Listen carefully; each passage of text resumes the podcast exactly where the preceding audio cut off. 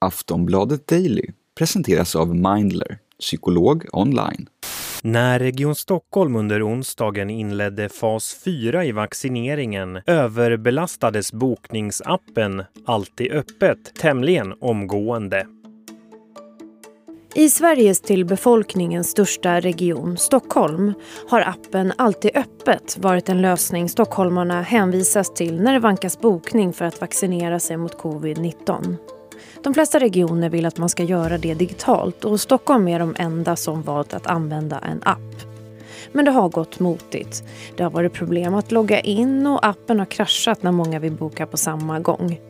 Region Stockholm menar att det gäller att ha tålamod och när det är tusentals som går in samtidigt så är det inte lätt för systemen att palla för trycket. Men är det så att det är ett nödvändigt ont att drabbas av störningarna som användare? Och är regionerna mogna att bygga en vårdapp tillräckligt robust från början? Och vad är rimligt att kräva som medborgare egentligen? Det och lite mer ska vi prata om i dagens Aftonbladet Daily. Jag heter Amanda Hemberg Lind. Vi pratar med Ann-Marie Eklund Lövinder, informationssäkerhetsexpert på Internetstiftelsen. Och hon får börja med att svara på, är det möjligt att bygga en app som är tillräckligt robust och säker? Det är ju inte vilka uppgifter som helst som hanteras i sådana här vårdappar. Ja, det skulle jag säga att det är. Man behöver inte titta så långt. Du kan ju titta på när man säljer populära eller biljetter till populära konserter eller när Apple kommer ut med en ny iPhone eller vad det nu är för någonting. Eh, visst händer det ibland att de typerna av system också kraschar men för det mesta så står de pall. Det handlar ju lite grann om hur angelägen man är om att ens kunder ska komma fram och nå tjänsten. Och det här, i det här fallet kan man också säga att ja, det har inte varit så svårt att räkna ut. Man vet ju hur många som finns. Till exempel, nu pratade vi om, om eh, den här appen Alltid öppet. Eh, det finns ju väldigt bra siffror hur många som finns i respektive åldersgrupp och i respektive region eller i Stockholm i det här fallet. Och så det borde ju inte varit jättesvårt att dimensionera för en hög trafik till att börja med som avtar efter en tid. Men nu har ju ändå Region Stockholm haft enorma problem måste man ju då ändå säga när det är många som ska logga in. Utifrån ditt perspektiv, var ligger alla de här problemen tror du? Jag har jättesvårt att se det eftersom jag inte har alla fakta. Jag vet inte till exempel hur de har byggt sitt system eller hur de tänkte vid dimensioneringen och så. Så det är jättesvårt att svara på.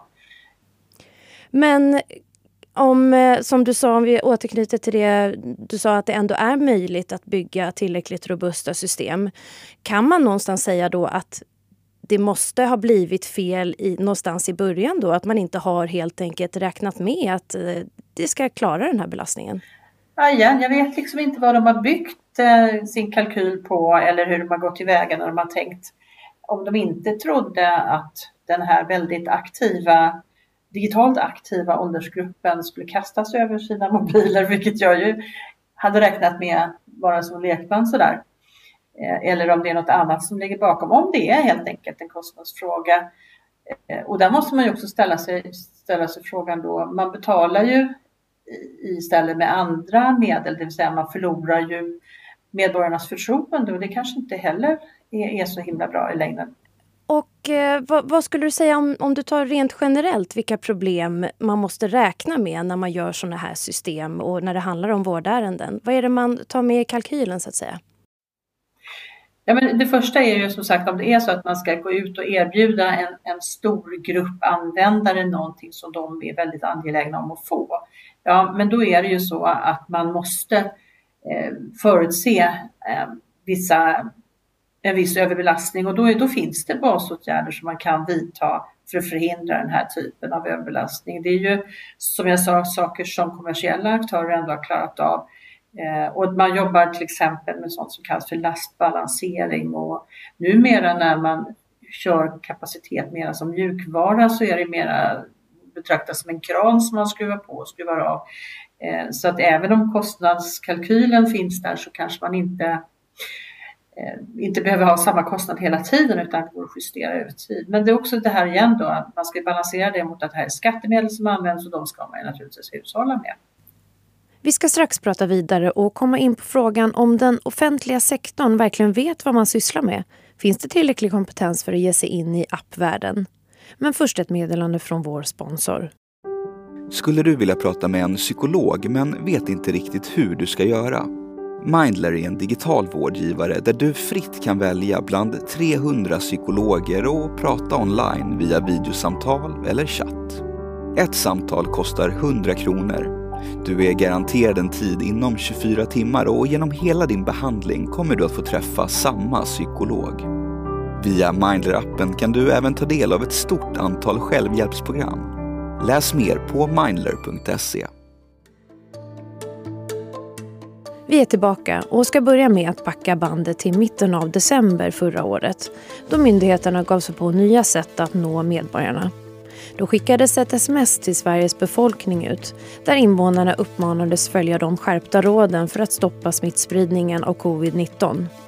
Smset kritiserades dels för att det var alltför kortfattat men också för att det inte fanns med en länk man kunde klicka på för att få mer information. Anledningen till det var enligt Myndigheten för samhällsskydd och beredskap, MSB, att det inte var tillräckligt säkert att ha med en länk i smset.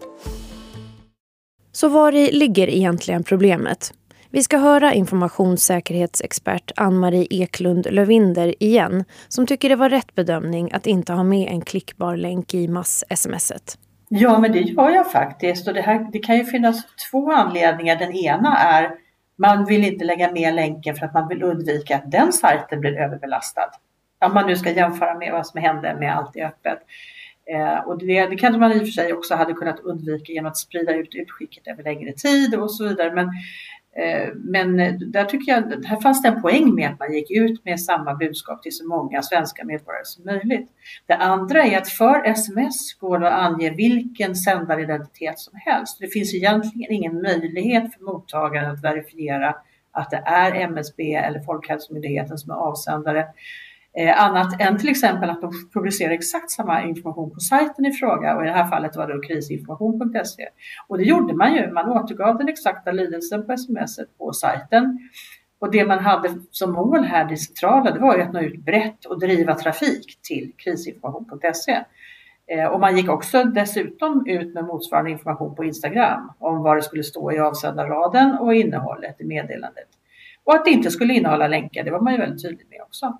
Ehm, så att när man fick det här meddelandet så var det ju inte primärt för att man snabbt skulle ge sig in eh, och titta på krisinformation.se utan det var ju mer en uppmaning om att ja, här har vi mer information om det här ämnet och det är hit ni ska gå för att få reda på det ni behöver ha reda på. Det mest intressanta som jag kan tycka är ju kanske att man fick de fyra största mobiloperatörerna i Sverige att medverka till en gemensam spridning av viktig information i ett allvarligt läge. Ungefär motsvarande eh, VMA, alltså viktigt meddelande till allmänheten på radio. Men i Finland så skickades ett liknande sms eh, ut till befolkningen men de hade med en länk i smset. Hur kommer det sig, tror du, att det funkade i Finland och inte här? Är vi fegare än andra länder? Nej, alltså jag vet inte varför de valde en sån lösning och jag tycker väl kanske inte att vi är fega. Jag tycker att det är ett ansvarstagande som man gör här och ett ställningstagande inte minst. Men vi har ju inom, inom säkerhetsområdet ganska länge pratat om det här vådan av att klicka på länkar och i synnerhet länkar som du inte kan verifiera att de kommer från en, en legitim avsändare. Och så är det ju i sms-fallet. Om vi går tillbaka till eh, Region Stockholms app. Då. Det är ju ändå många som har lyckats boka tid och få sin vaccination. I alla fall sin första vaccination kan vi väl säga. Då. Kan man verkligen kräva mer som medborgare? Det är svårt att säga igen. Det är ju skattemedel som används och, och vi ska hushålla med dem. Men återigen, jag, utan, jag vet ju inte riktigt hur det här har byggts, vilken design som finns och hur man, hur man har tänkt för att förhindra den här typen av överbelastning. Eh, det får man väl hoppas att de själva genomför någon sorts eh, incidentutredning och att man tittar på vad det var som gick fel och hur man ser till att inte det händer igen när man nu kanske till exempel gör nya släpp. Har du några tankar om vad som skulle vara den optimala lösningen om du fick välja? Den optimala lösningen, nej, men det är väl, det är väl att följa jag är ju ingen utvecklare så det är svårt för mig att svara på, men det vill följa best common practice, det som, det som är eh, standard idag för att förhindra att den här typen av överbelastningar sker. Det Post och telestyrelsen har ju faktiskt haft ett projekt igång eh, för en tid sedan som heter eh, Särimner tror jag det hette. Och det var ett projekt som handlade just om att hur ska man motverka överbelastning av samhällsviktiga webbplatser. Och den här slutrapporten lämnades 2018 från projektet. Och där kan man kanske ställa sig frågan, vad har hänt sedan dess? Är det så att man eh, tittar på att genomföra de åtgärderna som, som föreslog, eh, som handlade om att placera ut eh, mer, fler noder i Sverige för att kunna dela trafiken och fortsätta leverera innehåll till besökare trots att man har tappat kontakt med den, med den riktiga servern. Så att säga. Eh, och det här, det här är ju en, en lösning som eh, har visat sig kunna skydda mot olika typer av hot. Man distribuerar innehåll under hög belastning eh, och så vidare. Men som sagt, det där är en fråga som man kanske ska ställa till, till Post och telestyrelsen. Är den offentliga sektorn tillräckligt digital för att klara sådana här applösningar? Jag tror att det varierar väldigt mycket. Eh, man jobbar mycket på det, men alla har inte samma förutsättningar och min bild är att det saknas kompetens, både på bredden och på djupet. Det är en, en riktig bristvara. Hur skulle du rent generellt säga att Sverige står sig i IT-säkerhetsfrågor i jämförelse med andra länder? Ja, det varierar ju väldigt mycket mellan länderna och lite grann beroende på hur man mäter når man olika resultat. Men tittar man inom EU så finns det en, en sån mätning som har gjorts av Estland eh, och där, där, där Sverige kommer ganska långt ner i cybersäkerhetsmognad. Alltså vi är väldigt digitalt mogna i Sverige men säkerhetsområdet är eftersatt så det är ett väldigt gap mellan digitaliseringen och den digitala mognaden och, och hur, hur väl man har, har sett över skyddet för cyber. Men eh, min bild är dock att det har blivit bättre de senaste åren och att IT och informationssäkerhet har alltmer kommit att bli en strategisk affärsmässig fråga där risker ska hanteras precis som andra risker i verksamheten och av styrelse och ledning. Och det här är ju inte så konstigt egentligen när drygt 80 procent av en verksamhets tillgångar är digital så borde det komma som någon överraskning för någon att kunder, ägare och andra intressenter lyfter de här frågorna eh, om informationssäkerhet i ledningsnivån. Och en sak som jag också skulle vilja lägga till där, lite motvilligt får jag väl ändå medge att det ökade intresset för IT och informationssäkerhet har GDPR, alltså dataskyddsregleringen, att tacka för en, för en del trots allt. Sist här hörde vi Ann-Marie Eklund Lövinder, informationssäkerhetsexpert på Internetstiftelsen. Jag heter Amanda Hemberg Lind och du har lyssnat på Aftonbladet Daily, vår dagliga nyhetspodd. Den allra senaste utvecklingen kring vaccinationsprocessen följer du på aftonbladet.se. Vi hörs snart igen. Hej då!